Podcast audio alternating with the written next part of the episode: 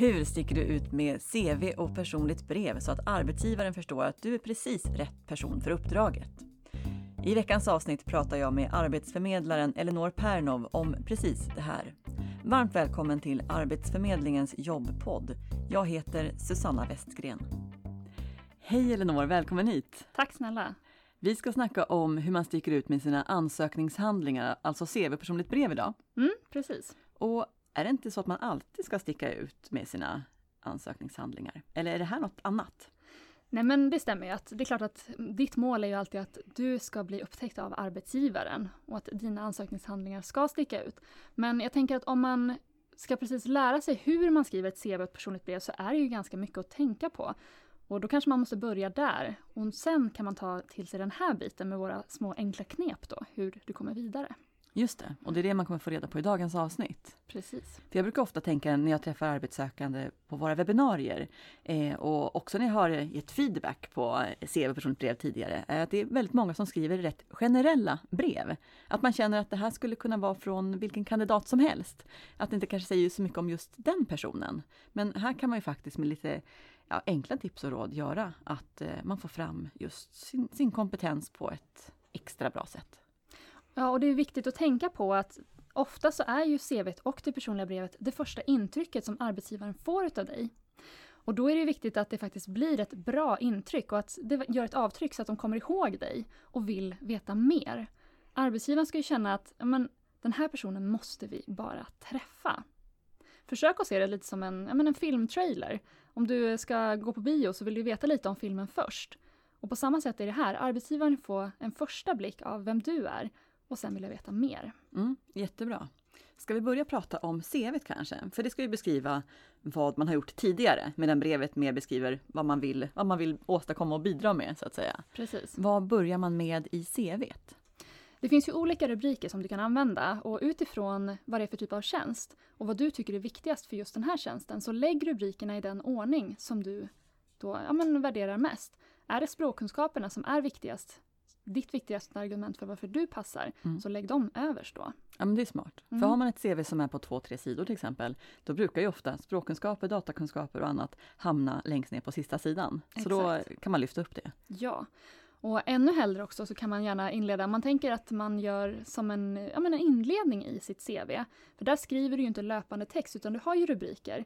Men välj då gärna någon intresseväckande rubrik som första. Det kan ju vara till exempel om det nu är språk som är viktigast, att du har den. Men du kanske också kan ha någonting som målsättning eller mer om, mer om mig, att du får visa lite kort vem du är och vad du har för ambitioner framöver och beskriva det.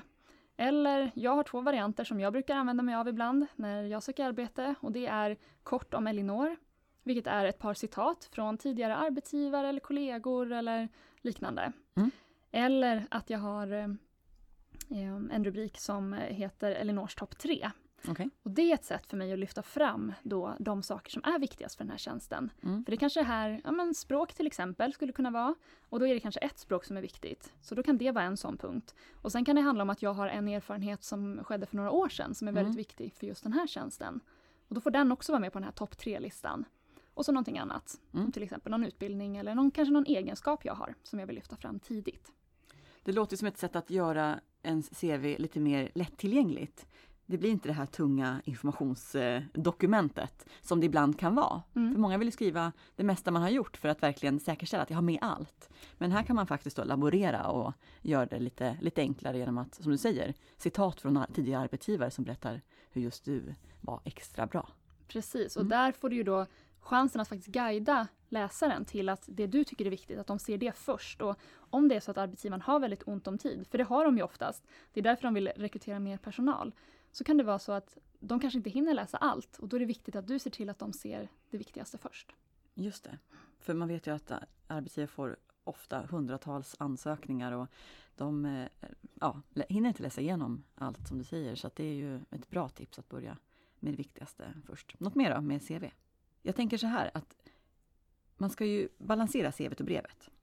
Så att det som är med i CVt behöver ju inte vara, liksom, vara med i brevet också, utan att verkligen tänka på det, att de kompletterar varandra och att hela syftet med ansökningshandlingarna är att du ska komma vidare till intervju.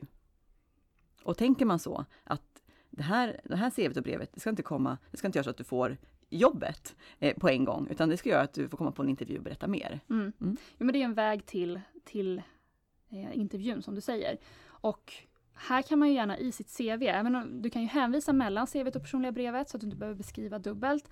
Men du kan också när du beskriver i CVt, men det här har jag jobbat med tidigare. Hur kan du använda det på nästa arbetsplats? Ge gärna någon liten hint redan i CV som du sen bygger på då i det personliga brevet. Så blir inte bara CV en tråkig uppradning av sånt du har gjort tidigare, utan du faktiskt ger lite hintar om hur du skulle kunna använda det hos nya arbetsgivaren.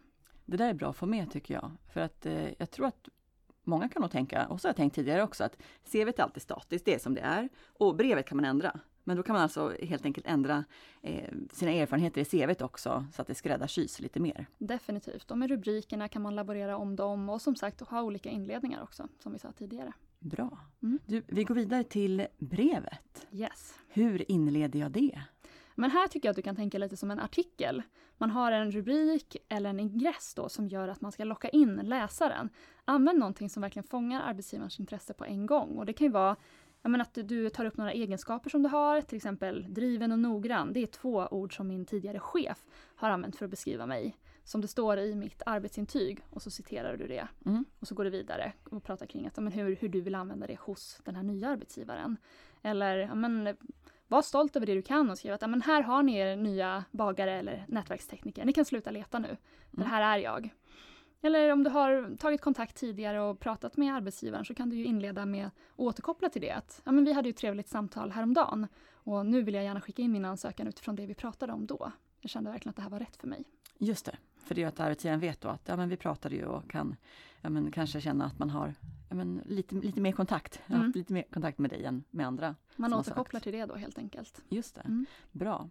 Jag tänker på det du beskriver kring egenskaper och hur man kan lyfta det. Vi brukar ofta prata om framgångshistorier eh, som ett sätt att visa vem man är.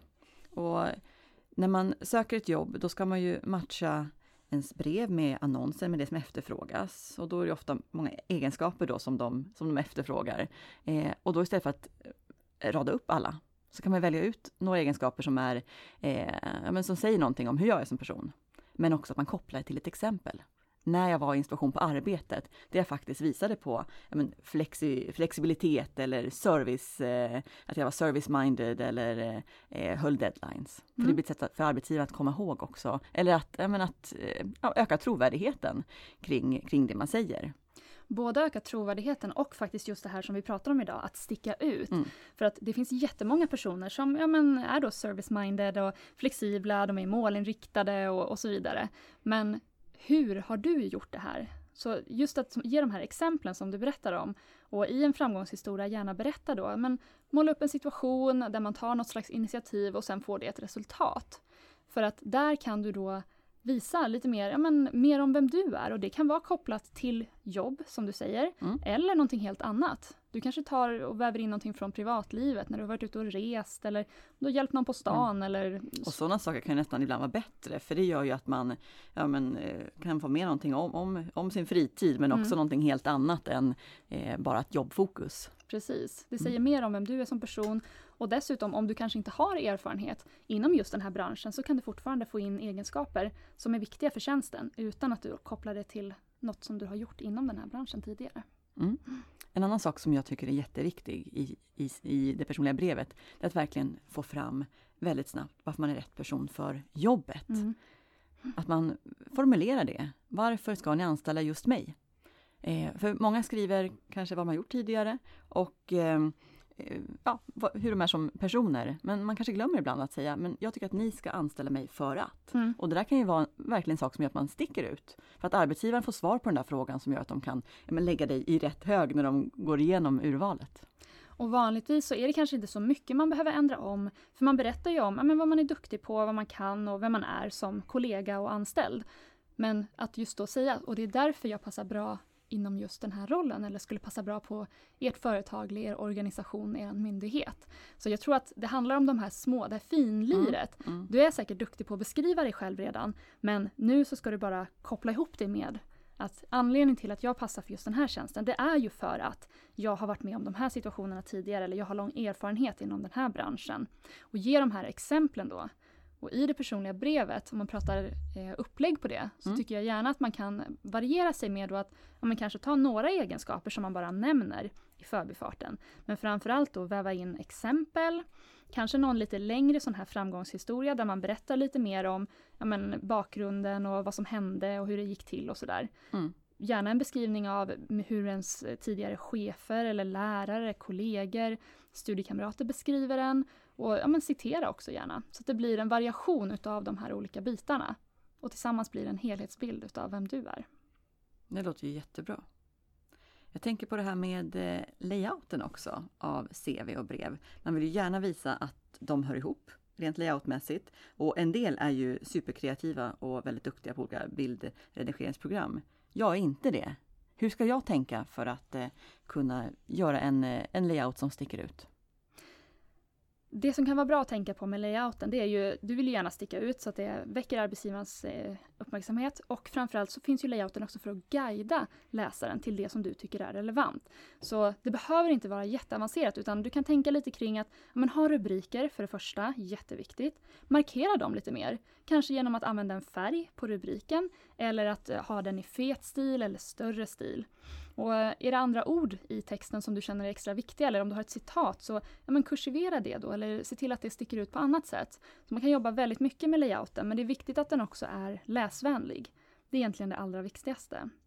Och är man inte så kunnig inom ja, men hur man ska göra, jobba med layouten så finns det ju en hel del man kan göra i bara vanliga ordprogram. Där kan man ju lägga in ja, men färg och kanske någon ruta runt sitt CV så att det ram, och personliga brev så det ramar in. Och viktigt att man har samma layout på båda så att man ändå ser att de här dokumenten hör ihop. Det här med foto, är det Mm. ett sätt att sticka ut? Spelar det någon roll om man har det eller inte? Ett foto lättar upp och är man arbetsgivare och går igenom många olika ansökningshandlingar så kan det verkligen vara någonting som sticker ut.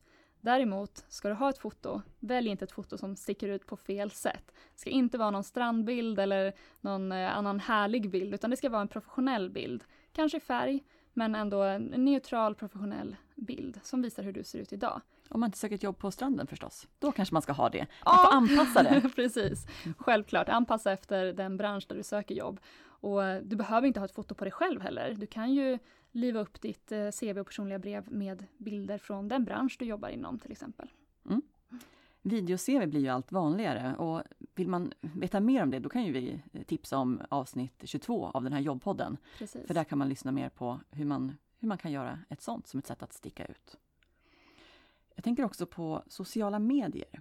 Har man en uppdaterad LinkedIn-profil till exempel, då tycker jag verkligen att man ska ha med det i sina kontaktuppgifter i, eh, i sina ansökningshandlingar, så man lätt kan länka dit. För det visar också på att man, men man, har, man, eh, man, har koll på, man har koll på läget och väljer man i sin ansökningshandling att inte ta med allt, ja, men då kan en länk till LinkedIn-profilen vara ett sätt att visa, men vill du veta mer om mig och mina kontakter? Kolla här! Så det gör också det lite mer levande och så. På samma sätt om du då har ett video-CV där du vill tidigt presentera dig själv i ja, videoform då, då kan du lägga med den länken också i dina ansökningshandlingar. Och på samma sätt, ja, men du kanske bloggar eller har varit med i någon artikel någon gång kopplat till din bransch så att du har andra saker som eller om du söker jobb inom en kreativ bransch kanske du har några arbetsprover på en hemsida eller så. Då kan man ju länka med sådana saker. Så absolut, det går ju att få med mycket mer information genom att skicka med länkar till olika platser. Bra. Mm. I de fall man söker jobb och bifogar CV och personligt brev i mejlet så brukar jag få frågor kring vad är det man egentligen ska skriva i mejlet? För det står ju mycket i de här bifogade filerna, men någonting ska man ju säga där. Vad tycker du? Jag tycker att det är viktigt att man skriver någon trevlig hälsning för att det här blir ju det ytterligare då första intrycket som arbetsgivaren får av dig innan de öppnar upp bilagorna med CVt och personliga brevet. Så självklart, skriv någonting trevligt där att eh, hej, här kommer min ansökan till den här tjänsten. Vad var det som gjorde dig intresserad? Skriv gärna någonting om det. Eller ta med en kort framgångshistoria eller ett exempel redan här. Och sen avrunda med att ja, men jag ser fram emot att eh, höra mer och ni hittar all information om mig i bilagorna. Vänliga hälsningar och så vidare. Så att det är, det, ehm, du har ändå någonting som händer där och inte bara skriver att hej, bifogat hittar ni mitt CV och personliga brev. Utan visa att du gör ett gott intryck redan i mejlet. Perfekt. Och det här med mejladressen.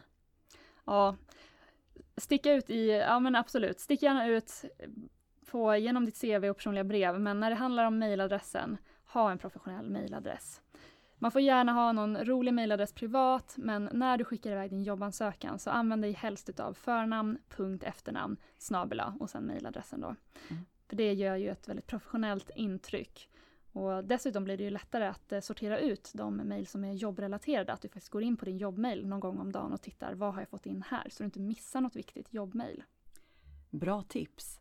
Om vi ska ta och summera lite då, vad är de viktigaste sakerna man ska ta med sig när man vill sticka ut med sina ansökningshandlingar?